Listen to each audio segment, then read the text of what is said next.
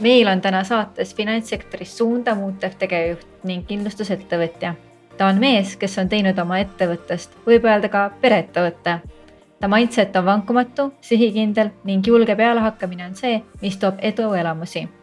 peabki olema, kui mees on sihiks võtnud rangelt reguleeritud finantsvaldkonna.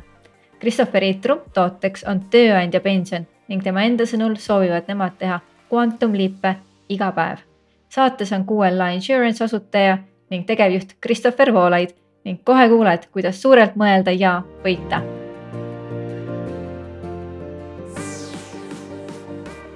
külas Christopher Voolaid, kellega me muideks tutvusime üldse investeerimisfestivalil. ta on meil siis investeerimisvaldkonnast, finantssektorist, finantssektorist õigemini ja kindlustussektorist hakkame siis rääkima natukene sellistest natukene. võib-olla isegi krüptilistel teemadel mõndad inimesed, aga süvenege, sest kõik saab selgeks. tere tulemast, Christopher. tervist, tervist, aitäh, et te kutsusite. Christopher, mina tahaks esimese asjana küsida sult kohe siukse klassikalise küsimuse. sa arvad, kas ettevõtjaks sünnitakse või selleks saadakse läbi aja? tead, kui ma nüüd mõtlen selle peale, et kas inimene sünnib ettevõtjaks või mitte, et äh, ma arvan, et iga, iga, iga inimene sünnib ettevõtjaks, kui ma vastan nüüd natukene justkui filosoofilisemalt, siis äh, iga inimene võtab midagi ükskord elus ette. Läheb ta siis tööle, käib ta koolis, see on justkui ettevõtmine on ju. noh, filosoofiliselt. aga kui me räägime nüüd ettevõtlus, ettevõtlusest, siis ma arvan, et keskkond määrab natuke rohkem kui see, et kas inimene päriselt sünnib selleks või mitte. ja mm -hmm. siis, mhm. mida seal keskkonnas siis või mis teadmised, oskused vaja jooksul tekivad, et see siis määrab või sunnib inimest siis ettevõtlusega tegelema. üldiselt äh, ettevõtjad on kas väga laisad inimesed või väga-väga äh, aktiivsed. vähemalt. kumb sina oled? no ma arvan, et kui sa noh, minu kontekstis küsid, siis äh, pigem, pigem see tahe tegutseda ja, ja teha asju ära ja siis võib-olla sealt tuligi see, et okei okay,, see on nagu ettevõtlus on parem väljend või noh mm -hmm. no.. milline see sinu tööriistakast oli, kas sa olid siis õppisid selliseks suhtlejaks ja, ja, ja kuidagi müügiinimeseks või äh, kuidas sa said need teadmised, need, mis sul praegu täna on oh,? hea vastus on see, et äh,, et õppisin. õppisid kuidas sa praktiliselt Aga... panid käima siis need kõik asjad uh,? noh, eks ta pikk protsess ole olnud ka, et äh, võib-olla siis teismeeast alates tekkis selline tahtmine või soov, et äh, tahaks nagu midagi rohkem saavutada, rohkem teha äh,. ambitsiooni tekkis äh, lugesin väga palju raamatuid näiteks mm -hmm. erinevatest elulugudest, kasvõi jalgpalluritest, näiteks äh, üks mu lemmikuid siis jalgpallurid on Zlatan Ibrahimovitš. ja mulle väga meeldis see tema story siis, kuskohast ta läbi tuli ja mida ta kõike selle jaoks tegi, et ta siis saavutaks neid asju mm. -hmm. ja siis see, see nagu motiveeris ka ja vaatad sealt mingisugused, küll räägitakse mingisugused raharaamatud, ettevõtlusraamatud ja nii edasi ja siis eks hakkab see arusaam tekkima, et ahah, ahah, et päris nii ei peagi, et üheksast viieni istud tööl, et võid ka üheksast üheksani tööl istuda, et siis. kas see, et sa läbi spordi nagu õppisid seda teadmist, et noh, et olla hästi ambitsioonikas, et kas sul oli endal ka mingi kogemus, kus näiteks läbi spordi, noh, sport on ideaalne võimalus, kuidas mhm. kasvatada mm -hmm. iseloomu mm -hmm. ja distsipliini, kas see tuli sealt ka võib-olla? kindlasti, et äh, äh, raske on saavutada spordist tulemusi, kui sa ei ole tegelikult ju distsiplineeritud ja järjepidev. ja ma arvan, et ettevõtlus on suht sama nagu tippsport, lihtsalt äh, seal on võib-olla natuke erinevaid ju, mis oleneb, millal sa mida tegema pead. aga kogemuste mõttes ma arvan jah, ma ütleks, et võib-olla järjepidevus on see, mis on mind kõige rohkem justkui eduni viinud, et ma tean, et ma olen väga-väga järjepidev äh, üldiselt oma harjumuste ja eesmärkide ja kõige muuga ja oma tegevustega. kas see on sul juba ehm, selline omadus, mis sul tuleb naturaalselt või see on ka õpitud? puhtalt treenitud. kas see oligi siis selle spordiga, sa tunned, et kas võib öelda ka, ma justkui jäin mõtlema siin mm, -hmm. et kui sa tahad saada heaks ettevõtjaks äh, ja lapsepõlves oleks hea juba saab äh, olla mingis distsipliinis, spordidistsipliinis, kus sa saad seda mindset'i juba nagu justkui sisse harjutada. vot seal ongi see, et mis ma enne ütlesin, et kas väga laisad või väga-väga mhm. aktiivsed. aktiivsed on need siis, kes on väga distsiplineeritud või laisk on see, kes otsib lihtsamat vastupidi teed ja lihtsamaid lahendusi siis ta nii-öelda mõtleb natukene kastist välja ja läbi selle tuleb ettevõtjaks on ju aga kuidas perekond üldse mõjutab siis inimest, et kas ta nagu hakkab siis ettevõtjaks või mitte, et sinu ema-isa näiteks või lähi mm, siis sugulased, kas nad olid ettevõtlikud, kas sa said juba ka neilt mingisuguseid mõtteid? mm,? ei olnud, kusjuures vähemalt enne, enese teada äh, ei tundnud, äh, kuidas ma mõtlen, tädimees vist oli või sugulaste siis isa oli äh,, oli oma et, ehitusettevõttega vist Soomes, aga ega ma väga aru ei saanud ju väikse lapsena mm, -hmm. mida see mhm. tähendab ja nii edasi. et ei olnud sul kuidagi inspiratsiooniks, et ega midagi. kindlasti mitte, et äh, ei saa anda kahjuks perekonnale nii-öelda credit'it selle eest, et äh, nad oleks kuidagi push inud sellele suunale. Aga ma saan anda krediitit selle eest, et nad tegid kõik vajalikud toimingud selleks, et mul tekiks keskkond, kus ma ise siis push in ennast onju et vot selle poole. hästi toetav perekonna struktuur on sul siis olnud ka selles mõttes või, või? ettevõtluse koha pealt või? ei ole, kindlasti mitte, et nad ütlesid, et jumala eest ära võta liiga palju riske ja, ja, ja nii edasi. me oleme arutanud ühes episoodis seda ka Ritaga, et äh, me tuleme sellisest põlvkonnast, kus kohas hästi palju õpetati meil siukseid libauskumusi, et ettevõtlus võib olla hästi äh, riskantne. ära liiga palju nagu mine mm -hmm. torkima mingit asja, sest võib-olla sa ei saa sellest aru mm. -hmm. aga vaata, seal tekibki see minu jaoks vähemalt see error. oota, kuidas sa ütled, et ma ei saa aru, kui nemad on inimesed, kes on seda võtnud eesmärgiks, et nad saavad aru. see on ju limiteerimata võimalus ka minu enda jaoks. tagasi tulles siis kindlustuse juurde ja sinu mhm. juurde, et äh, kuidas siis sinu teekond kujunes, et sa oled äh, siis kindlustuses tänapäeval. Ehm, kust see alguse sai? mis on Quantum Leap Agency? no nii palju küsimusi korraga, aga Olgu, ma vastan, ma vastan Vitale, siis ma vastan sulle ka äh, mis on, äh, kuidas mu teekindlustuse sai äh,? siis ma mõtlen nüüd. mul oli niimoodi, et äh, kui ma tulin kaitseväest äh,, siis ma teadsin, et äh, üks valik on ettevõtlus, mis ma teen äh,. aga teine valik on muusika. mul oli muusik ja sportlane ja tegin trenni ja möllasin igast asja ja siis äh, ema ütles mulle ikka, et mine muusikuks, nagu sulle andekust on, mine Georg Otsa, saa professionaaliks. ma ütlesin, et ega need muusikud viljakad ei ole, onju. täna on vist Eestis vist teistmoodi, et sõltub, kes mida teeb, aga, autoriõigused on ju. jah, just, et noh, muusikaäri ikka on äh, sügav, et kui sa võtad muusika üle versus muusikaäri, täiesti teine maastik, täiesti teine maastik. lava peal on tore olla ja laulda ja värki särki, aga, aga muusikaäri on ikka noh kuidas ma ütlen, võiks öelda väga poliitiline mm -hmm.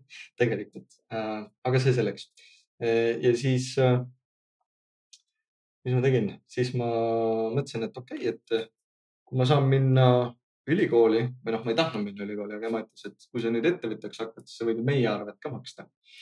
et kui sa nii kaua ettevõtja oled, mingi okei okay,, davai, ma lähen ülikooli. no pressure. ei, väga hea, et ta pani pressure'i, sest järelikult oli vaja.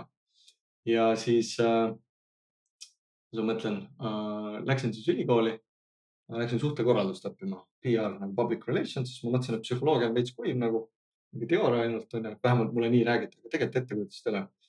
ja äri, ärikooli nagu, kas maksta nüüd kohe koolist, noh, ma ei tea, on ju. et, äh, et kumb see nagu kasulikum on siis ma läksin jah, seda suhtekorraldust läksin õppima, päris vahva ja tore oli alguses, mõtlesin, jess, saan kummlaudega vaata. Mm -hmm. koolis nagu noh, sain nagu hea ree peale nagu käima ennast. esimene töö tuleb kolm ja siis mõtled, et okei okay,, mis kummlaudet ei tule siis mõtlesin, et okei okay,, siin peab ikka rohkem pingutama. Ja, ja siis tutvusid mingite inimestega ja, ja, ja, ja, ja sain, sain kätt proovida ka müügitöös. Põhimõtteliselt kutsuti raamatuid müüma, käisin ka seda tegemas, kolm suve tegin tegelikult olin ka organisatsiooni juht ja siis, äh, ja siis samal ajal müüsin LHV pensionifonde äh, sõbra soovitusel. Äh, kaubanduskeskuses olin see tüütu nii-öelda tegelane. vabandage neiu. aga tegelikult pean inimesi naerma et see oli, see oli nagu vahva. ja, ja, ja, ja kes neid siis eest vedasid, Lauri Paevel, ta on ka meil podcast'is käinud, aga väga-väga muhe ja vahva vana ja, ja, ja ütleks niimoodi, et väga intelligentne inimene, et, et äh, päris niisama ka finantssektorisse inimene ei, tegelikult ei satu onju mm. -hmm. ja siis ma õppisin nagu tema pealt ja siis ma tegin ühe korra isegi temaga siukse väikse intervjuu. sõbraga tegime poolteist tundi ja siis ma küsin talt lõpus, et äh, kas keegi on sinu inimestest sinuga nagu intervjuu teinud niimoodi. noh, kui see ei ole, kuidas see mhm. võimalik on? et nagu, nagu tark inimene ja edukas ja kõik asjad, aga kuidas nagu noh, ühesõnaga jah. keegi ei võta seda aega justkui, et nagu seda kõike küsida talt. ja, et noh, keskendutakse ju sellele, et äh, mis mulle kasulik ja täna ja siin ja praegu ja kohe.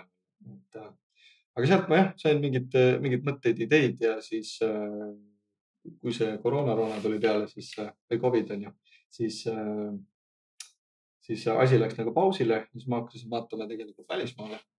pikk lugu, aga ühesõnaga tehti kindlustusseltsi poolt isegi Mandatum Life tegi mulle pakkumise tol hetkel siis Eestis, kui ta oli veel täna vist Invel on ära ostnud, onju. Mhm. jah, okei okay. ja siis, siis tehti pakkumine. ja ma nagu põhimõtteliselt keeldusin, käisime siis vennaga kahekesi töö, tööintervjuul. ja, ja ma nagu, ma ei teadnud, et Eestis elukindlustus eksisteerib, aga samal ajal, kui see paus oli seal, keegi kuskil käia ei saanud siis ma igapäevaselt meeletult õppisin, analüüsisin, äh, kuulasin müügi mingisugust audiot, kirjutasin sõna-sõnalt välja mingi kaheksa korda järjest, lihtsalt kuulad, samal ajal teed trenni, kuulad mingi kaheminutilist audiot, kuidas mingi vend mingit word track'i nagu ütleb, kasvõi nagu mm, -hmm. kuidas ta mingi closing lauset nagu kasutab või kuidas ta saab inimese eh, emotsionaalsest seisundist või hääletoonest kasvõi paremini aru ja kehakeelt vajab igast asjast nagu lihtsalt full fookus rahast, kõigest finantsmaailmast podcast idena, aga ma sain aru, et podcast'ide nagu vaatamine ja kuulamine tegelikult ei aita mul äh, edu saavutada. küll aga, kui ma teen enese harimise momenti, vot siis on see, see koht, kus ma võin nagu seda teha. audiobook'id, lugesin raamatuid, igast asju tegin. käisin külmas vees, lõpuks jõudsin veel, äh, tegin külma duši challenge'it, tegin kakskümmend üks minutit järjest. jah, külma duši all nagu, jääkülma duši all, kakskümmend üks minutit järjest. ega ma seal hüppasin ja kargasin ka veits, et nagu aga lõpus olid nagu kehal oli nagu tuim, mõtlesin, et ah, polegi nagu kaks minutit oli õll ja siis rohkem ei olnud mm. -hmm. no respekt. ja, ja siis eh, noh, mingi plankude hoidmised, tegime seal sõpradega challenge'id nagu, et davai, et trennis käia ei saa, et teeme siis mingi challenge'id, käime jooksmas või teeme mingi planke ja jõudsime seal mingi. ma ei tea, ma vist jõudsin kaksteist minutit järjest planku ja siis üks treener ütles mulle, et seal pole tolku, et pane raskust peale, panin raskuse peale, lõpuks sõitsid sada kilo planku ka veel kolmkümmend või kuuskümmend sekundit ära ja tegid videot nendest on muudest, sada kilo seljas limiitide pussimine kogu aeg. ja, ja, et eh, ja siis mult üks vend kunagi küsis, et miks sa nii ekstreemne või maksimalist oled. ma ütlesin, et aga miks peaks teistmoodi uh. -huh. et noh, ma saan aru, kõigile ei sobi, aga noh uh -huh. miks ma ei tahaks endalt parimat siis oodata või elada oma parimat elu, mis mul täna. elame täna seda juba vaata. just on, on ju ja jõudes, pikk jutt siis jõuan siis, kus ma kindlustussektorisse sattusin, oligi see, et äh, et öeldi, et teeme koostööd, aga siis ma mõtlesin, et okei okay,, et kuidas ma tahan äh, teha ettevõttega nagu Compensa või Insurance koostööd, kui ma ei ole ise seda toodet äh, müünud ja sellest aru saanudki. ja siis ma võtsin selle nii-öelda pay-cut'i vastu oma ja, ja läksingi, läksingi siis äh, seltsi tööle, sest ma tahtsin aru saada, kuidas opereerivad, kuidas nad asju teevad, kuidas need tooted töötavad, kuidas ma kliendile seda presenteerin. ma mäletan oma esimest kliendi kohtumist ka nagu üks mu, üks mu häid sõpru ka ütles mulle, Kris, ma ei saa mitte midagi aru, mis sa räägid et nagu sorry, aga, aga jah, aga, aga tänaseni tegelikult on on üks mu klientidest ja sõpradest ja, ja mina annan talle mingisuguseid business insight'e, tema annab mulle, ta on küll äh, põhimõtteliselt logistikasektoris, aga uh -huh. ei näed, esimene kohtumine ütles mulle, ma ei saa midagi aru, aga näed, lõpuks suudame ikka üksteisele väärtust nagu tuua ja pakkuda uh -huh., lihtsalt on ka suhete ehitamise mäng ja siis sealt, sealt see nagu pihta hakkaski. enne seda siis, kui see paus oli, siis ma studisin ja uurisingi ja ma leidsin ühe venna nimega Patrick David. ja temal oli siis life insurance'is oli äh,, oli sees ja tal on niisugune kanal Youtube'is nagu Value Entertainment. umbes pea viis miljonit follower'i või midagi on, ta on George Bushides, Kobe Bryantites, kõikideni nagu igast tegelast, Hand of Tate'is isegi äh, intervjuud teinud äh, mitmetunniseid nii-öelda, kui see Hand of Tate seal istus oma puu, äh, kodus kinni, siis tema läks tema juurde Rumeeniasse ja ja intervjueeris teda onju mm. -hmm. ja, ja täna ta siis on meediaettevõte, meediamaastikul, et ta müüs oma selle insurance'i nii-öelda brokerage'i maha või siis maaklerfirma. aga kui ta alustas seda, siis ta tegelikult läks kaks tuhat kaks läks finants äh,, finantsteenustesse, töötas äh, kuni kaks tuhat üheksani siis alustas oma seda asja äh,. ja tänaseks hetkeks, siis kui ta siis selle maha müüs, kui ma mäletan õigesti, oli neil kakskümmend kaheksa tuhat müügiagenti et äh, jah, päris kopsakas äh, arv inimesi justkui aga noh. USA-s töötab võib-olla insurance natuke teistmoodi, aga sealt ma sain nagu insight'i, et mhm. okei okay,, et päris huvitav nagu sektor, see on tervisega seotud. mulle tervis väga tähtis, eriti trenni tegemine, kõik see asi.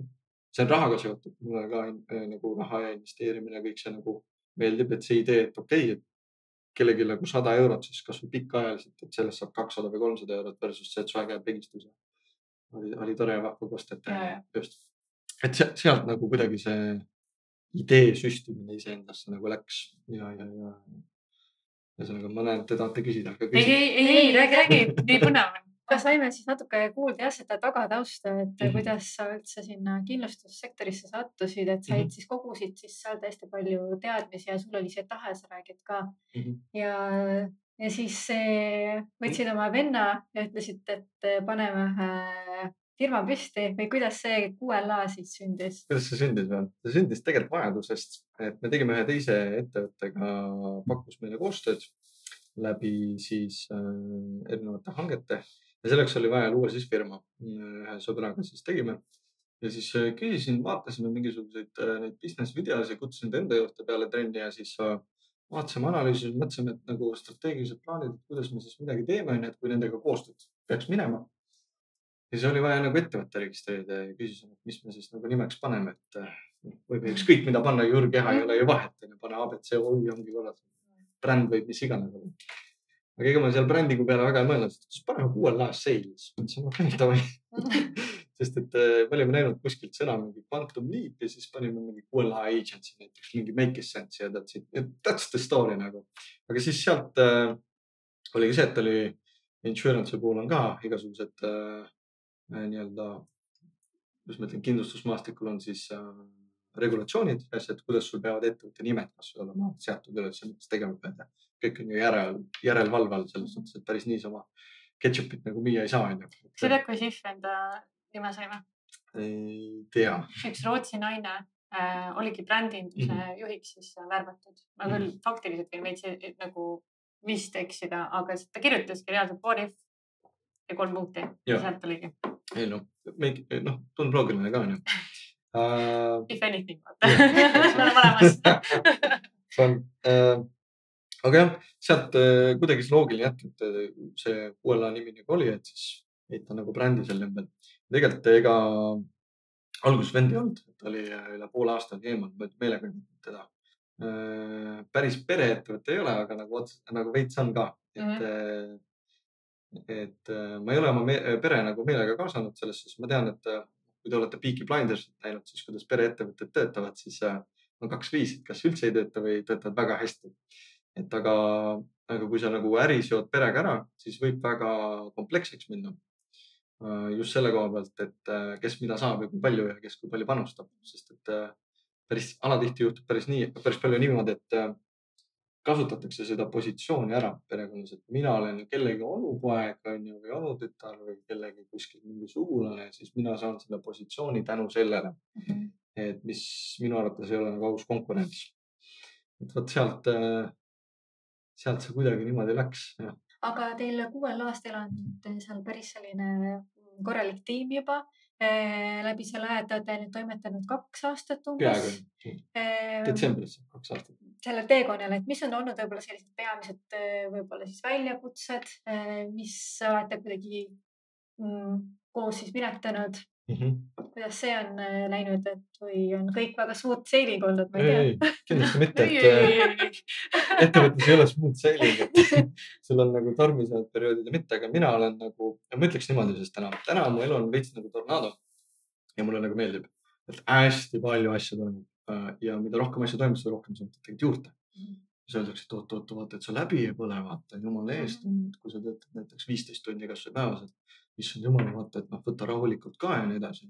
peavad ikka asjad tasakaalus olema.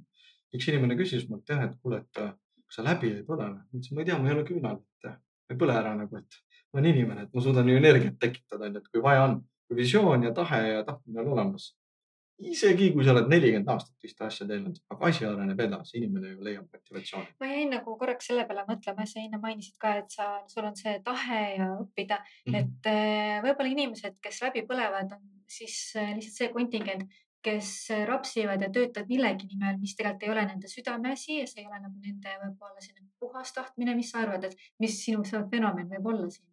no äh, see, see on hea point, et see südameasi, see seostub selle passion'iga, et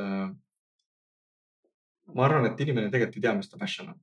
Äh, passion on see, milles sa hea oled. üldiselt, see saab passion'iks, aga selleks, et millekski siis heaks saada, mul on vaja olla järjepidev, mul on vaja olla distsiplineeritud, mul on seda piisavalt kaua vaja teha. kui mõnele inimesele meeldib näiteks küpsetada, ma ei tea, saiakesi, muffineid mm, -hmm. tõesti meeldib nagu, et jumala lahe, ma sain midagi luua.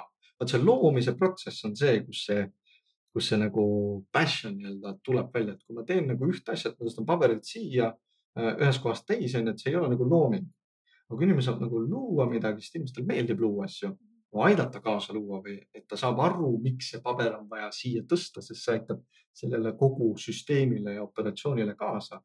ja siis ta sellega loob seda, kui ta saab selle, see jõuab siia kahe kõrva vahele mm, -hmm. siis, äh, siis ma arvan, et tal tuleb just hästi äh,. aga, aga see südameasi, noh, kus sa tead, mis see südameasi on? ega ei tea kõik proovi asju, mhm. erinevaid asju, kas ja, aga mõni ei anna piisavalt aega ka endale. mõtleb, et oh, ma kaks kuud tegin, ma aasta aega tegin, kaks aastat tegin, ei tulnud välja ja nii edasi ja nii edasi. Pole ju mulle mõeldud see mhm. tõstmine seal jõusaalis. mul läks kümme aastat, et kakssada kilo lükkida.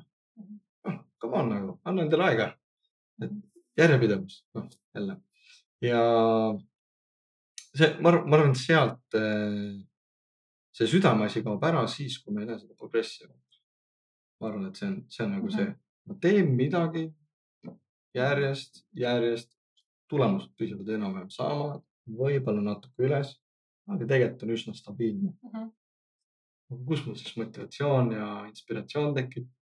kui ma ei kasva sisemiselt, kui ma ei kasva välilis, väliselt, et öeldakse, et see sisemine kasv on nagu ülioluline, täna räägitakse sellest Eestis väga palju. sisemine rahu ja energia, kuule, aga seal väljast on asjad täiesti tuksed sisemises rahus sa räägid? See on põhiasi, mis mind ajab nii kettasse näiteks noh, igasuguste selliste coach'ide ja asjade puhul vaata, kes äh, räägivad hästi palju näiteks enda vaimsest maailmast, selle toetamisest, kõik on jumala õige. Mm. -hmm. aga su väline maailm peegeldab su sisemist, et ja, ja, ja vice versa, eks ju, et vastupidi täpselt samamoodi et äh, kui kahe kõrva vahel on ikka asjad ei ole paigas, siis see väline maailm on ka ikka tuksis onju. aga, aga selle koha pealt ma vist ei vastanud su küsimusele. ma tegelikult küsisin äh, ühe küsimuse, siis me hüppasime lihtsalt sellele teisele, et mu algne küsimus hakkas sealt äh, väljakutsetest QLA-s ja siis ma hüppasin yeah. sellele järgmisele, et noh tagasi tulles siis need väljakutsed et.... no väljakutseid on, ütleme niimoodi, et kui sa alustad ettevõtlust, siis on põhiasi on, kus sa kliente saad et sa pead nagu need strateegiad, asjad paika panema, onju, sa pead tegema neid tegevusi.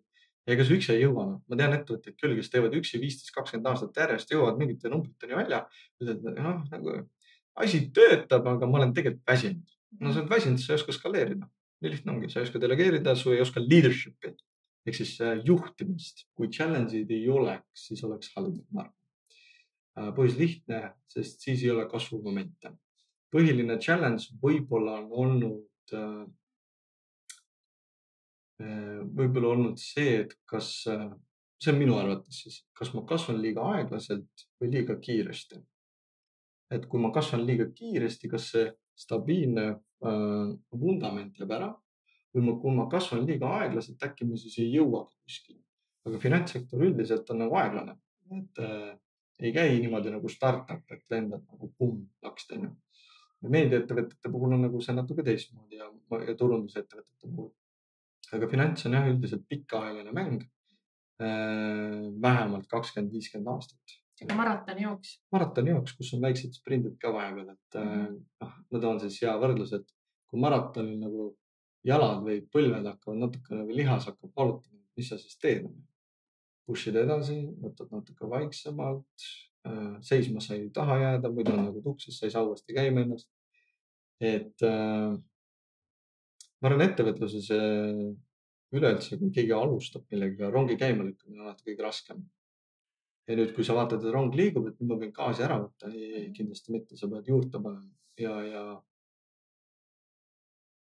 kõige suurem challenge võib-olla töötajate või inimeste puhul on alati ka ikkagi järjepidevus, inimesed ei suuda järjepidevad olla mm. -hmm. jep, et eh, noh, et vaatad, et üks kuu on all tulemas, teine kui üleval, aga lõpuks on see, et ma mõtlen, et mul oli see siis moment. kas peab olema nii, et äh, tulemus läheb üks kuu on natuke all, teine kuu on natuke üleval, järgmine kuu natuke all või siis jälle üleval, siis üleval, et kus kohas see trend nagu jookseb. ja siis vennaga arutasime ja ütlesime, et vaata kui see trend on ikkagi, et isegi kui ta on üks kuu näiteks poole madalam, on ju, seal võib error olla, aga see tulemus tuleb alati viivitusega Mhm. töö tuleb alati ennem, tulemus tuleb viivitusega. Aga kui trend selles kvartali või poolaasta või aasta või isegi viie aasta või kümne aasta mastaabis on tegelikult ülesmäge, siis see on sama, mis juhtub investeerimisel, sa vaatad, ahah, miinus see aasta, järgmine aasta pluss, kolmas aasta on mingi sihuke stabiilne. aga pikaajaliselt see trend läheb üles, ükskõik mis ajavahemikku sa võtad, pead olema kannatlik. vot see on äh, Jordan Peterson ütles hästi oma TED Talkis, et inimeste äh, olemus või siis äh,, kuidas ütles äh,, et missioon või, või, või see põhiasi on kannatada. jah, ka väga suured hinduistlikud ja budistid ja kõik ütlevad ju, et inimese kõige suurem äh, elu väljakutse ongi kannatus. aga mina ütlen seda, et aga kannatuses on ju rõõmu ja valu ja kõike muud, et sa võid vaadata seda nii erineva nurga alt, et kannatus ei pea olema nagu. No ma toon siis selle näite. Vana-Kreekas vist öeldi sihuke huvitav lause.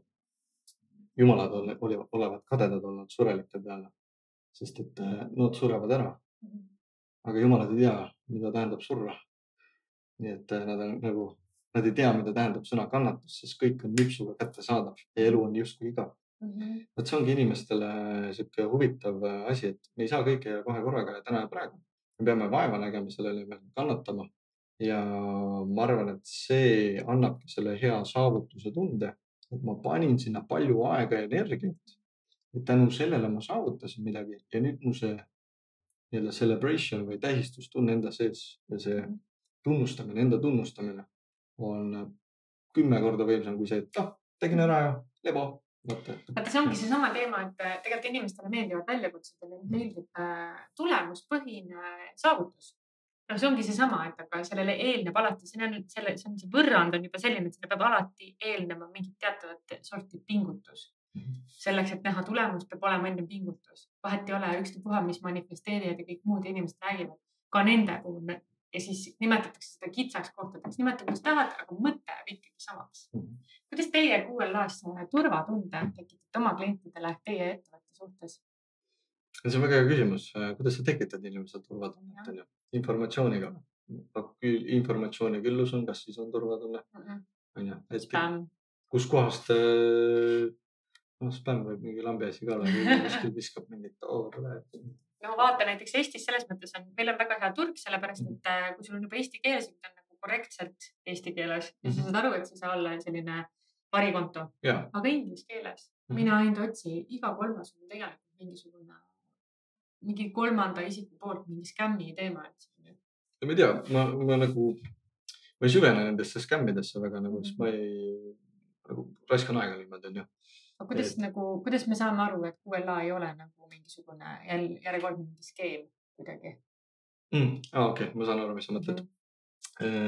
no me ei saa olla, me oleme järelevalve all, me oleme Finantsinspektsiooni järelevalve all, me teeme Compensaga koostööd. seal ei ole võimalik, et eh, me saame mingit ketšupit teha nagu mitte milleskist, sellepärast et eh, meil on väga piiratud nagu mänguruum ja väga nagu raamistatud ära, mida me kõike seadusandluses võime nagu teha. ja, ja kuna see nii on, siis me peame olema väga-väga läbipaistvad eh, kõiges, mida me teeme põhimõtteliselt ja, ja ma arvan, läbipaistvus loob usaldust inimestele. vaata, kui inimene on ikkagi, kuidas sa tead, et inimene on aus või mitte, onju, tunnetad, onju, okei, ühel hetkel ta tundus aus, teisel hetkel ta ei tundu aus, onju, et noh, igalühel on oma kasutegur sees, onju, alati, kõigil on mingisugune, mingisugune agenda, kellel ei ole agendat, siis tema peale tallutakse tavaliselt. noh, paraku nii ühiskonnas on. aga, aga ma ise, ise mõtlen seda, et mida läbipaistvam või nagu siiramalt asju teha, seda kergem on. ma küsin Tiit Trofimovelt näiteks, et äh, saame, saame nagu hästi läbi. ta ütleb, ütleb siukse lause, et tee kergusega. Et äh, tunne, tunne, et kerge on olla, mõnus, vahva asi veereb, flow, kõik asjad. siis ma ütlesin, et, äh, ütlesin, et, et tead huvitav, Tiit, et sa seda ütled, onju. aga kumbal juhul sa vähem või rohkem tööd teed? kui siis, kui sa paned täiega auru sisse, justkui nagu tunned, et nagu räigelt pingutad versus see, et kergusega. siis ta muigas ja naeratas, ma ütlesin, et tegelikult ju paned sama palju auru, lihtsalt tunne on teine. onju, tunne on teine. Ütles ja täpselt nii ongi, Kristof tunne, tunne on no ja teine asi, kui sa valetad endale, siis ta muutub kannatuste jadaks, aga kui sa tegelikult teed seda sellepärast, et sulle päriselt meeldib, siis seal ongi see kergus taga. Sest see ei võta sult energiat, kui sa juba mingisugust välist motivatsiooni otsid, siis võib-olla sellisel juhul tasubki jätta see tegevus tegemata. täpselt.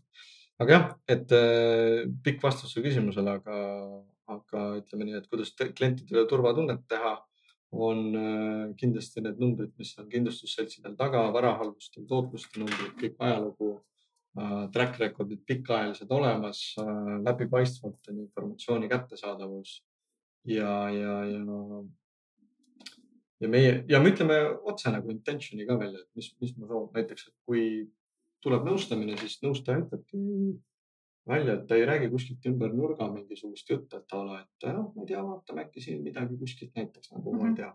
noh, sa mõtled, no mis sa soovid nagu. ma küsisin ühelt inimeselt äh, sealtsamalt usakalt siis täna, et äh, mis su intention on, mis su soov on nagu, et oletame, et me saame üksteisele kasulikud olla või aidata teineteist, on ju, ärilises mõttes, et mis su intention on Mhm. noh, selles suhtes, et noh, kui me nagu noh, niimoodi vaatame, veits nagu ümber nurga tuli, inimene ka, mõtlesin, et nagu okei okay, on ju, ma saan aru, kultuur on teine mm. -hmm. kultuur on teine, ma pean sellega arvestama. eestlastele meeldib sihuke, otsekohesus ka onju. aga kui näiteks su juurde tuleb äh, kutt ja kutsub sind välja, onju, põhimõtteliselt, äh, aga ta tuleb sellise approach'iga, ütleb, et kuule, et äh, sa oled täiega nagu äge inimene ja ma vaatan ja jälgin, mis sa teed nagu Instagramis ja kõik on nagu vahva ja värki onju ja, ja kuule, ma mõtlesin, et küsin, et, et mis veel külalised, mis nagu, kas nad joovad mingit kohvi ka või midagi? Onju, siis ta mingi, noh, sa vastad mingi, ei, me, noh, ei joo podcast'i ajal kohvi. aa, okei okay,, ma lihtsalt mõtlesin küsida, et kas keegi nagu joob kohvi või siis ei joonud nagu kohvi või midagi vahepeal. sa mõtled, et mis sa tahad nagu? Lähme kohvile või? jah, et sul tekib, kas sa tahad mind kohvile kutsuda või sa lihtsalt küsid või noh, sa jääd vaata segadusse uncertainty tekib inimestel, ebakindlus. kui tekib see kõige la- madalam tase tegelikult on confusion, segadus. Vot siis ongi, kui inimestel on segadus, confusion, nad ei saa aru, et oot, et informatsiooni tuleb siit-sealt sisse ja valet informatsioonist on palju. lapsepõlves ka, nagu sa mainisid, vaata valesi uskumisi antakse ka see, noh, kasvõi näide, et võlg on võõra oma, vaata vanasõna on ju. okei okay. tõesti, võib-olla ongi, on ju, Mhm. aga miks äh, Apple hoiab kuuskümmend kaheksa miljardit põhimõtteliselt oma bilansi mahus, et laene võtta? Mhm. milleks nad teevad seda? võlg on siis võõramaa, et nad kasutavad seda selleks, et laieneda, aga nad teevad seda teataval viisil, mitte et lihtsalt ma tarbin ja kulutan seda ära ja nüüd oh, oh my god, tuksis noh, Mhm. et noh, päris nii ka ei saa. ja, aga see intention peab paigas olema versus see, et see kutt kutsub sind välja ja ütleb, et kuule, sa tundud äge inimene onju äh,. tahaks teada, mis su põhiväärtused on. tahaks teada, kas meil on üldse match'i, kas me mõtleme, kas me visioonid samastuvad või mitte. ma kutsun sind kohvile sellepärast, et ma tahan teada, kes sa päriselt oled. Mhm. nüüd, kas sealt tuleb midagi edasi või mitte, ma jumala hästi ei tea. Kas me meeldime teineteisele, ma ei tea. ja sellepärast ma kutsungi sind kohvile.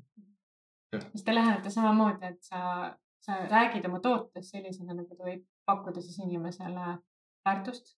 on ma õigesti aru? muidugi mm Mhm. -hmm. jah, et mi- milleks nagu muidu, et oh, tee ära, et äge asi see on. peenkirjaga lugu teil on peenkiri, mm? -hmm. mis sa see mõtled? on see, vaata, mis pannakse alati sinna alla niimoodi. Disclaimerid või? kõik on ilusti olemas, peab olema, Mhm. seal ei ole teistmoodi võimalust nagu teha, et Mhm. ma võin pärast näidata ei alati peab olema, noh, seadusandlus on niimoodi tehtud. aga nüüd ääri-veeri jõuame ka kuue laani selles mõttes, et eh, mis on teie siis need eh, põhitooted? mis on trumptoode? Tahaks seda teada kõige rohkem. ma ise arvan, et äh, meie trumptoode on täna äh, tööandja pension ja kindlustuslepingute näol ja keegi seda teine ei tee ja ei osata teha ja Eestis? Jah, noh, saavad, pangad saavad ka pakkuda või kindlust, teised kindlustusseltsid. aga me oleme siis aru saanud, et kuidas äh, ettevõtetele lojaalsusplaane teha. ja, ja, ja, ja kahjuks või õnneks see läheb ESG-ga ka kokku. nii et äh, seal on ka väga suur roll sees ja, ja, ja, ja ma usun ise seda, et kui ettevõtted parandavad oma äh, ESG reitingut, sest kahjuks Euroopa sa Komisjon võid eh, ESG lahti seletada jah. ESG on siis äh, hästi lihtsasti öeldud, on siis äh, jätkusuutlik ettevõtlus, mis tähendab seda, et ta siis põhimõtteliselt on äh, keskkonnasõbralik, ta siis hoolib oma töötajatest ja siis ta teeb ka governance'i öelda, kuidas ma siis ütlen, hästi palju erinevaid definitsioone ja juhtimisstiil. jah, juhtimisstiil põhimõtteliselt ja, Mhm. ja kas on Mhm. valitsustega läbipaistvus, koostöö ja nii edasi. ja, ja kuna seda asja nagu push itakse BlackRocki poolt päris äh, palju, BlackRock siis äh, suurim varahaldus äh, täna maailmas kümme pluss triljonit peaks neil seal siis varades olema, oleneb, mis ajajärku sa vaatad. Mhm. aga BlackRock on ka Ukrainas ilusti sees ja meil on kokkulepe, et kui asjad õnnestuvad, siis läheb BlackRocki logo läheb äh, Ukraina lipule. Äh, aga BlackRocki omanikud, keda siis, kuna BlackRock esindab oma omanikke või shareholder ite osanikke siis huve, siis BlackRocki kolm kõige suurimat omanikku on täna Bank of America, Vanguard ja siis State Street. Need on ka kõik varahaldused põhimõtteliselt, noh, üks on pank on ju. Vanguardi suurimad omanikud on BlackRock, Bank of America ja State Street. State Streeti kõige suurimad omanikud on ka BlackRock, Vanguard ja Bank of America, nii et see kõik käib nagu ringi ratast. murelik skeem. just, et äh, see on nagu vahva ja tore, aga nad push ivad seda ESG-d ja Euroopa Komisjon samamoodi.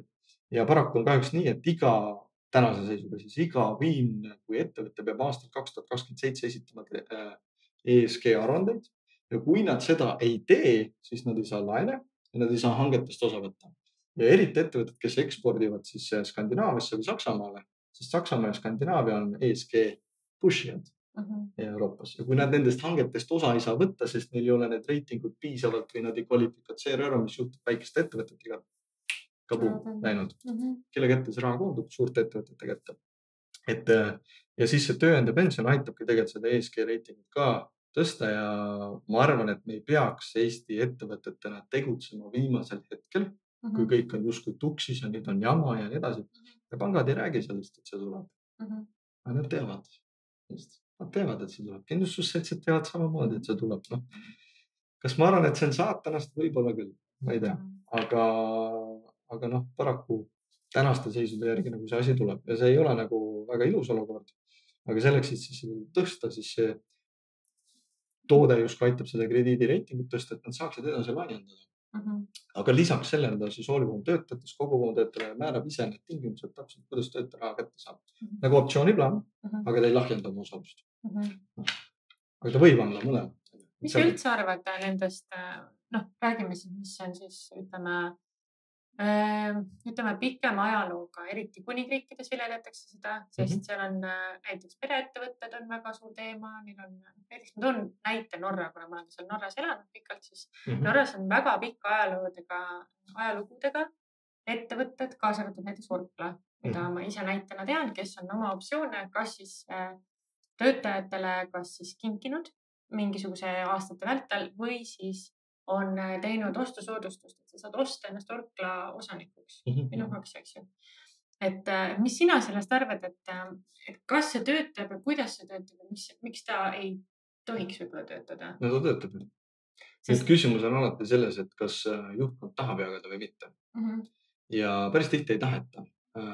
no ma toon lihtsa näite, võib-olla mingisugune tööstusettevõte, kus töötajad siis, ma ei tea, kaevavad midagi, onju, et äh, kas ta panustab pikaajaliselt sinna ettevõttesse või ta jookseb järgmise saja euro palgakõrgenduse peale minema. et kui lojaalne see töötaja ise on, vaata see on kultuuri asi. eks me jõuame sinna Põhjamaadesse, praegu me oleme nagu Rumeeniast liikumas sinna Põhjamaadesse mm,.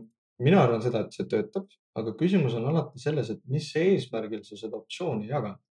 mis eesmärgil sa selle lojaalsusplaani teed ja kellele, mis ta positsioon on, kaua ta siin ettevõttes on olnud mm,. kas sa näed, et see tuleviku perspektiivist see töötajaga võiks töösuhe jätkuda ja nii edasi ja nii edasi.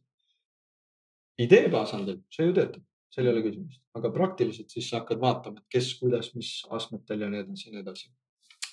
aga see on jälle ettevõtte juhtkonna mhm, teema, sest tema võtab selle riski, tema vastutab sellest, et pakkuda tööd, tema vastutab kõikide finantsidest, tema vastutab, kui asi peaks sinna sammusesse Mhm, minema, onju mhm., tema vastutab just lõunasse või allapoole, just äh,. aga veel vastates su küsimusele, et mis on veel need äh, lipulaeva toetajad, kindlasti kogumiskindlustustöötajad või eraisikule, et äh, kasutada kindlustust ja kogumist korraga, Mhm, tekitada justkui omale selline äh,, kuidas ma ütlen äh,, rahaline kindlus või, Mhm, niisugune mhm. tagala, onju, et ükskõik, mis juhtub, siis mul on kindlustus olemas, onju. Ja siis lisaks selle, eesmärk ei ole võib-olla maksimumtootlikkust teha, aga eesmärk on pikaajaliselt teha, sest niikuinii kindlustus, noh, ma toon lihtsa näite. võtan kodulaenu kolmkümmend aastat tavaliselt, võib-olla kakskümmend aastat, kakskümmend viis aastat. pikk periood.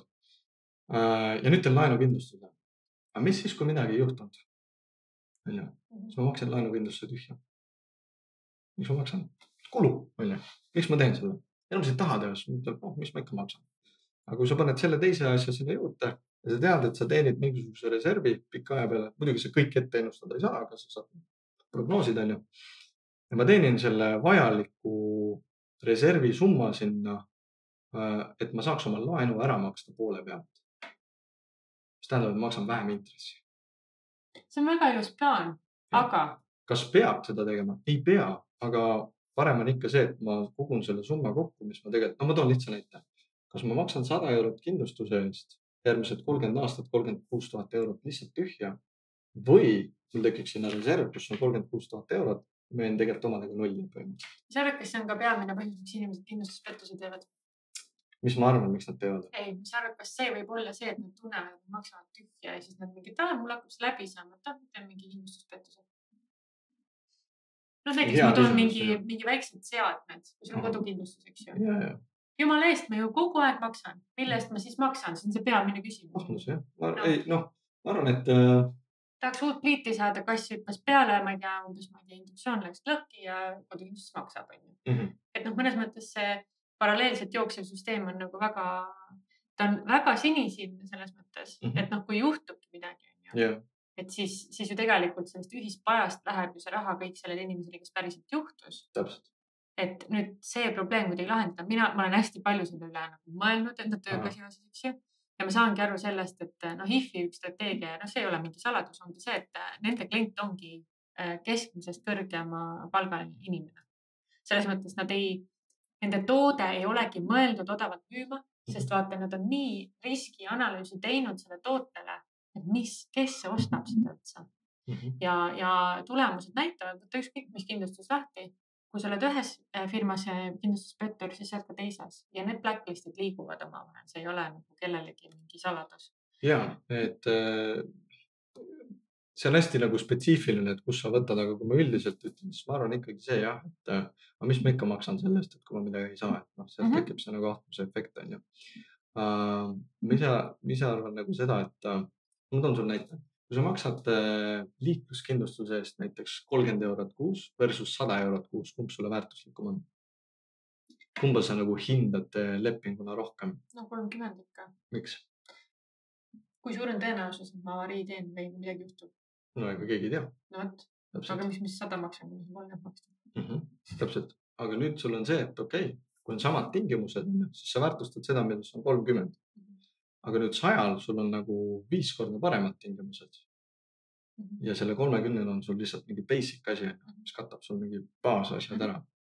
või noh, ma toon siis näite, et kasko või siis kako, kasko mingi pluss, pluss või mm. -hmm. ühel puhul maksad sada, teisel juhul maksad kolmkümmend. aga see kasko pluss, pluss katab sul nagu mingi kaheksakümmend erinevat asja, kumba sa rohkem väärtustad? -hmm. see, kumbal on rohkem neid asju ja sa oled nõus maksma seda hinda seepärast, et inimene väärtustab neid asju, millest ta rohkem maksab mm. -hmm. paraku nii on, kui mina maksan millegi eest kolm tuhat eurot kuus versus kolmkümmend eurot kuus, ma muidugi väärtustan seda kolme tuhandet eurot rohkem, isegi kui ta on sarnane toode. see on lihtsalt inimpsühholoogia, aga hind on ju välja mõeldud igal juhul. -hmm. aga jah see, see toode, mis, millest sa räägid, et siis nii-öelda, et inimene maksab kindlustust mm, -hmm. elu, siis see on elukindlustus, eks ole. ja mm -hmm. siis sealt saab teha seda äh, nagu tootlikkust, eks mm -hmm. ole. Mhm. see mingil määral minu jaoks, et ma ei ole nii palju kindlustuses töötanud ega midagi, see tundub päris minule niimoodi kõrvalt uuenduslik et tegelikult on vana toode. tegelikult on vana toode mm., aga niimoodi igapäevaselt ma ei, ei kuule, et. Äh, ei promota lihtsalt. ei promota lihtsalt. aga miks nad tahavad seda promoda, kui pangad ise kasutavad seda? ehk siis ja praegu ongi olnud see, et pangad ja ma ei tea, kindlustusettevõtted ise on nagu selle najalt nii-öelda teeninud endale head raha. seda ei ole toodud nii-öelda rahva sekka, kas see siin on nagu see uh,? Vot see on, see on küsimus, millele ma ei ole kahjuks vastust leidnud, et kas ei osata promoda, kas ei. teadlikult ei taheta. jah, kus, kus, noh, ma ei tea seda kahjuks. Äh, ma arvan, et äh, no ma toon, toon näite. panga ülesanne on anda mida? laenu, on ju. väga, noh, ja see ongi panga ülesanne. nüüd, kui pank paneb oma mingisuguse reservi osa, mida nad peavad siis mujal maailmas tegema, kahjuks Eesti, ma ei ole siis aruannetele niimoodi nagu ligi pääsenud ja nii edasi ja nii edasi, võib-olla ei ole ka vaja. siis äh, tean, et maailmas kasutavad pangad äh, umbes neli pluss tuhat, äh, neli tuhat üks, ma võin numbriga eksida, aga võin pärast kuskilt selle numbri välja otsida uh. -huh sellist lepingut nagu Poli ja Poli on bank owned life insurance ehk siis pank teeb töötajatele elukindlustuse, ta lükkab sinna kogumiskindlustusse raha, seda öeldakse USA-s universal life. lükkab sinna raha, pank omab neid lepinguid, kui töötajaga midagi juhtub, pank saab raha. Vot ja üle nelja tuhandel pangal on see olemas.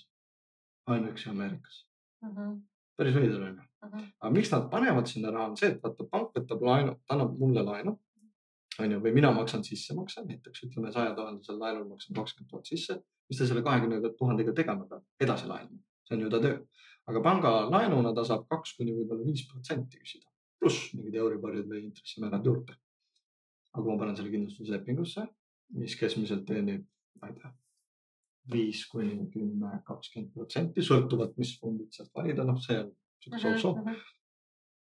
ma teenin rohkem kasumit ja pikaajaliselt ja mul on veel kindlustus, kui midagi juhtub see laen saab niikuinii makstud. Mhm. noh, et pangad äh, maailmas kasutavad seda, äh, kasutavad suured ettevõtted, Google'is näiteks. Äh, mu siis elukaaslase Gerda ema mehe poeg töötab Google'is.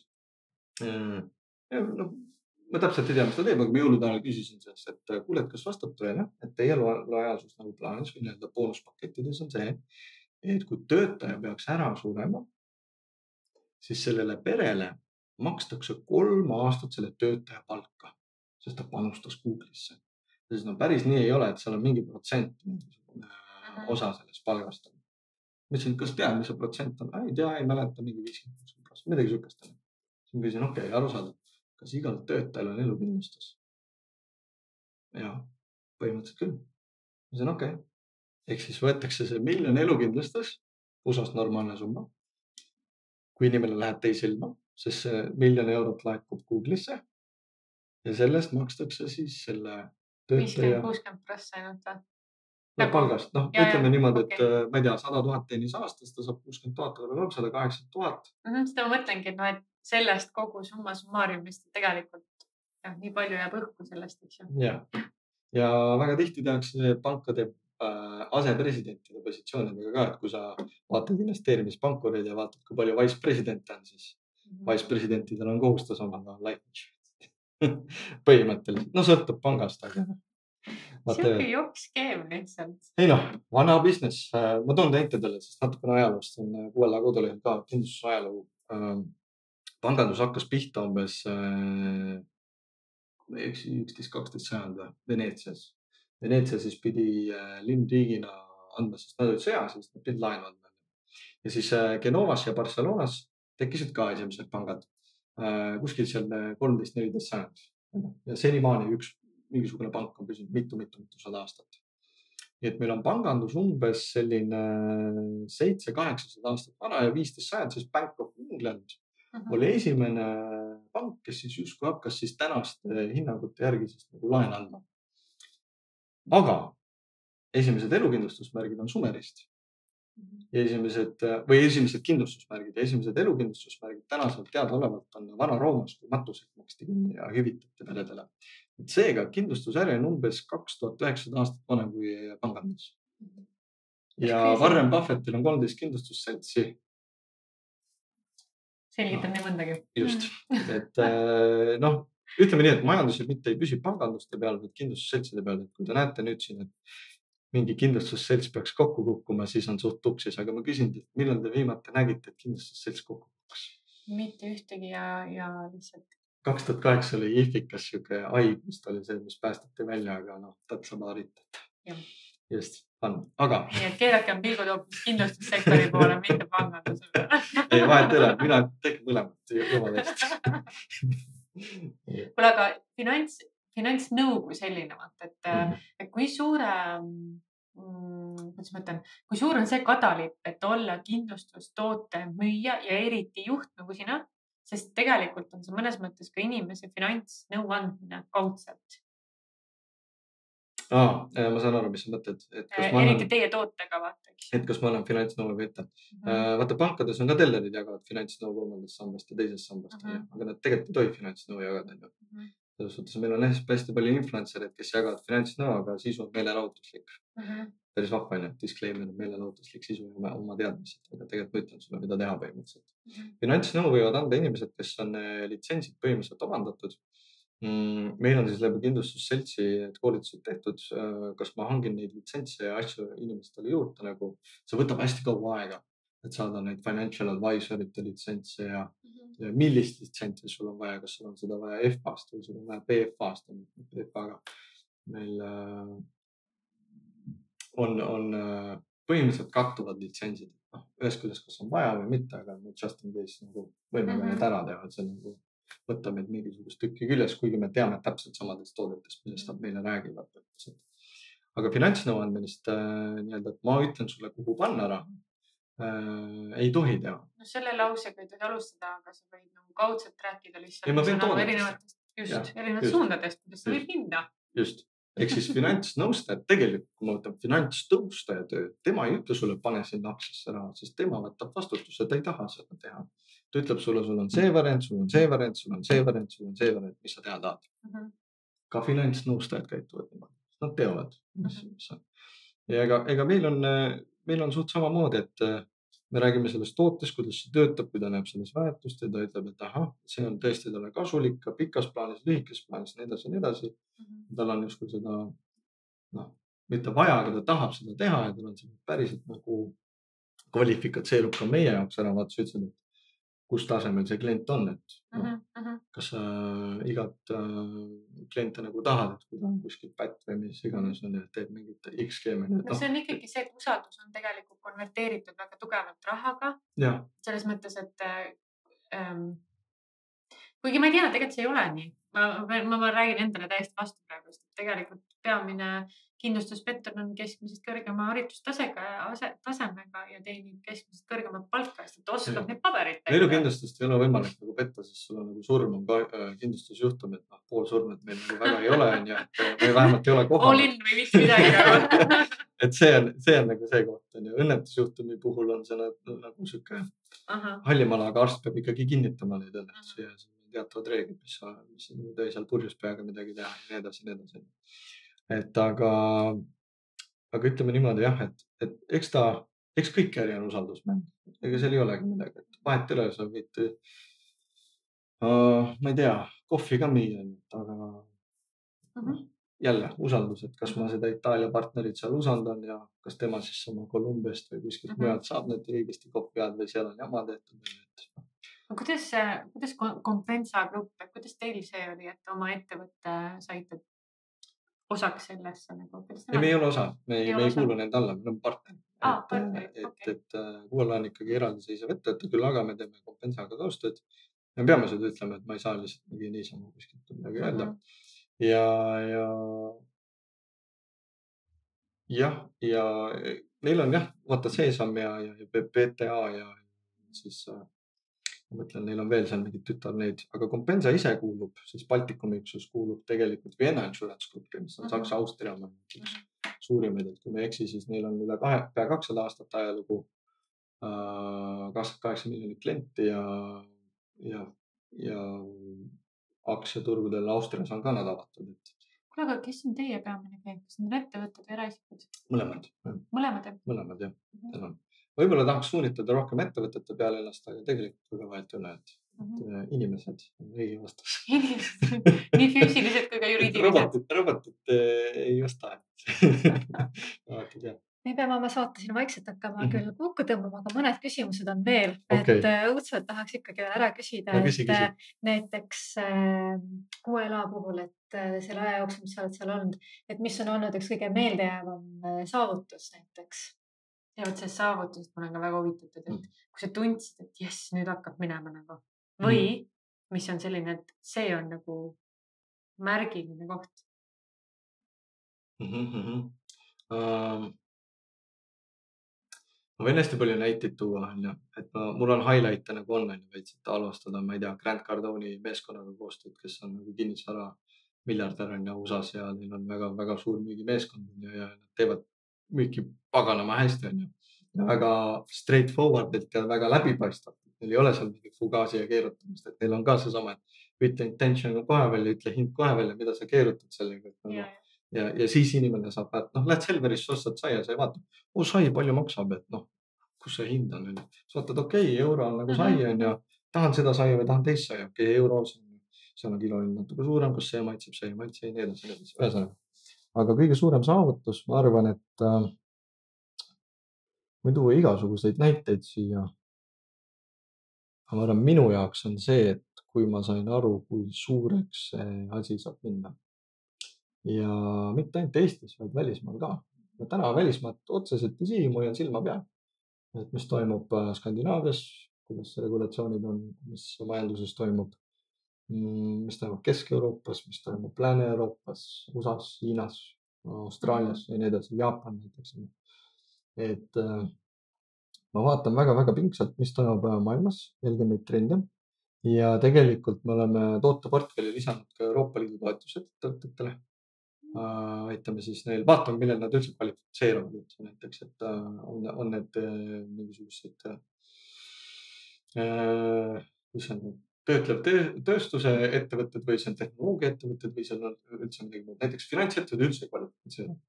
lihtsalt ei ole võimalik saada põhimõtteliselt. Euroopa Liidu toetused äh,. tekimas ka võib-olla mingi business strategy management consulting'u suund, vaatame äh,, vaatame selle poole, et ma siin äh, ja, ja meedia, meedia pool ka. ma arvan, et kus, kus mul nagu see äh, minu jaoks kõige suurem saavutus oli see, et ma sain aru, et okei okay,, see nagu see töötab, et see, ma saan nagu gaasi vajutada täiega nagu, et see ei ole nagu kompamist. ma arvan, et see tekkis kuskil peale mingi pool aastat või niimoodi uh. -huh. et siis mul jõudis nagu kohale, et ahah, et päris nagu katse ja eksitusmeetod ei ole, et ikkagi teeme nagu teadlikult ja plaanid on nagu paigas ja mõtleme nagu viiskümmend aastat ette rohkem kui see, et et, et äh, mis me siin ühe, kahe või viie aastaga nagu suudame ära teha, aga noh, kunagi ei tea tulevik ette. Ja, ja see, ma arvan, ma arvan, see oli see koht nagu. kas te ka kiirustate aeglaselt? mulle hullult meeldib see lause. ja ikka jah, absoluutselt, täpselt, et äh, põhjalikult ja korralikult, aga ka kiiresti, et äh, kindlustusäris on hästi tavaline see, et aeglaselt liigutakse, aeglaselt tehakse asju uh,, mis on ka okei okay. uh,, vanad ärid ja, ja nii edasi ja nii edasi aga ma ütlen siis niimoodi, kiirustada ja rapsida. mul üks tõstetreener ütles hästi, et kui ma tõstmist tegin, et mida sa rapsid, Kris. et sa rapsid selle liigutusega, sa ei saa õigesti seda tunnet kätte. aga sa pead kiire ka olema. et nagu üldse raskust ära lebida ja eks ta on suht samamoodi. sihuke äh, tajutav, äh, tajutav taju midagi sellist et äh, mulle meeldib kiirus, jah, mulle meeldib, et me teeme kiiresti, me teeme, aga me peame ka efektiivselt tegema, et äh, kas on juhtunud midagi sellist, et nagu, et kas kiirustades jääb mingi detail märkamata, näiteks saadan newsletterit välja, vaatan kaks koma on ühes kohas, mõtlen, oo, pärast vaatad onju, või mingi sõna, mingi täht oli kuskil mujal, sest et noh, kell on üksteist õhtul ja sa ei taha nagu. aga vähemalt pole chat GTP nagu, vähemalt sa tegid ise noh. ma proovin nagu võimalikult vähe seda kasutada, et mhm. võib-olla mingi informatsiooni otsimiseks natukene kasutada, aga see on sealt. kuule, Christopher, kui sa teeksid täna uue ettevõtte. kui sa peaks looma uue ettevõtte. ja mitte sama sektori. mitte sama sektori. mis sa teeksid? no tegelikult ma olen teinud põhimõtteliselt meedia. ma teeks meedia jah uh,. meedia sellepärast, et ma arvan, et silmapaarid on uus äh, raha mm,. loeb täna rohkem juba, järjest rohkem ja rohkem kui lihtsalt kapital uh, mingit staadiumit me oleme ettevõtluses justkui selles läänemaailmas töö, tööstusrevolutsioonist välja tulnud. ja aru saanud, et tööjõud ei ole ainukene asi, kapitali kaasamine ka ei ole ainukene asi, vaid oluline on ka see kood, see on see tehnoloogia buum ja siis on ka meedia silmapaarid. et ma arvan, et noh, kui ma toon lihtsalt näite ainult Teidist vihka teda või armastan teda, ega väga vahet ei ole, ta lihtsalt suutis saada väga palju silmapaare, kasutades äh, häid turundusstrateegiaid ja kuna ta sai silmapaari ja siiamaani saab, siis noh, teenib sellega väga hästi. ja ma arvan seda, et see traditsiooniline meedia kui selline, mis meil on siin olnud viimased kakskümmend, kolmkümmend aastat äh,. hakkab hääbuma see podcast imine, Joe Roganid ja kõik asjad, et see nagu see persooni lood ja persooni bränd ja kõik see teema nagu võib-olla natuke liiga võimendub. umbisikuliseks on läinud kogu see asi, mida inimesed teevad, inimesed tahavadki teada, vaata, mis päriselt on. kes sa oled ja mis su missioon on ja mis su Mhm. väärtused on ja, ja see story nagu inimese story või see lugu on äh, viiskümmend korda võimsam kui see, et meil on üks hea toode on ju. et äh, aga jah, vastuse küsimusele, ma arvan, ma teeks äh,, teeks full meedia. aga noh, seal on ka omad äh,, omad need, no ma toon sulle näite. Kui ma tühjast kohast hakkaks meediat tegema, ütleme, ma bootstrap in ja alustan null rahaga meediaettevõtlust on äh, väga palju inglise keeles volume'it vaja, Mhm. nagu meeletult sisu. aga sisu maksab, onju. Podcast imine ka maksab, tehnika maksab. ja kui sa neid silmapaaridest ei suuda siis saada nii-öelda revenue'd, mis sul isegi on, siis on väga keeruline seda äri edasi teha. Et seda teha on vaja tegelikult suurt mahtu. aga noh, kõik on ju mahu business niikuinii Mhm. Mhm. et äh, meedias on lihtsalt seda,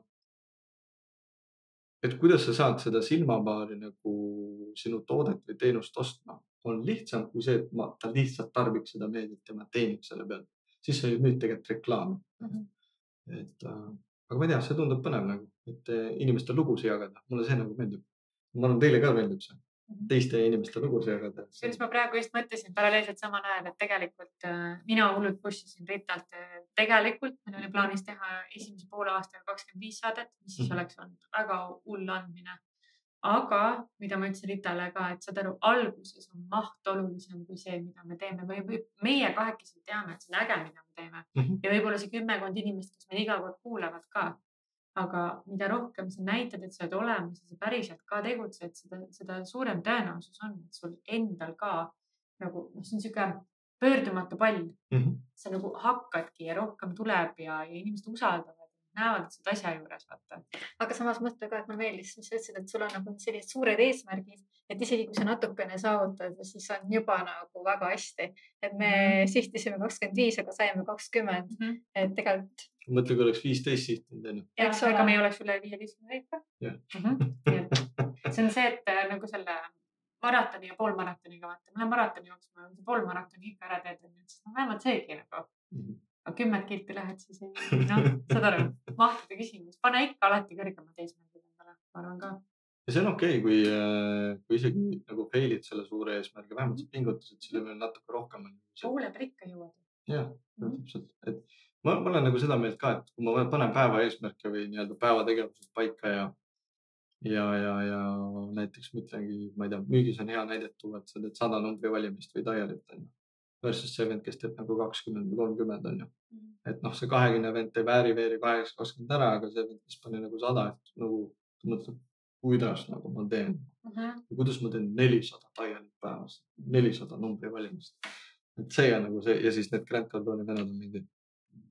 Wait, you don't do four hundred dials a day man, what are you Mhm. doing? nagu Mhm., nagu mida sa teed noh mida teed on vaja aga noh, USA on niikuinii teine teema, seal need asjad teistmoodi natukene. elulusvõitlus, elu-olelusvõitlus käib seal päris tugevalt. Nad ainult töötavad surnuks ennast põhimõtteliselt, aga noh, eest, eestlastest suht sammu auku osta nüüd, et, et, äh, et jah, see on, see on nagu fun. aga ma küsin teilt tegelikult ise ka. Mm. Kui te ei teeks podcast'i ja meediat justkui ja see ei oleks kindlustuses, siis mis, mis te teeks? mina juba saan öelda, sest mul see projekt, mida ma teen siit kõrvalt, ma tegelikult ähm, mainisin ka teie podcast'is, et äh, ma hakkan äh, stuudiot tegema, õhuakrobaatika stuudiot niimoodi, et äh, üleeile allkirjastasime lepingu ja T1-e siis me valime, nii et minul on see asi plaanis käivel. Nice. ja minul endiselt on see, et äh, ma veel pumpan maad, otsin oma seda mingisugust X, X, X asja nagu, nii et ühesõnaga sa peaks on- valdkonna valima. valdkonna. Mm.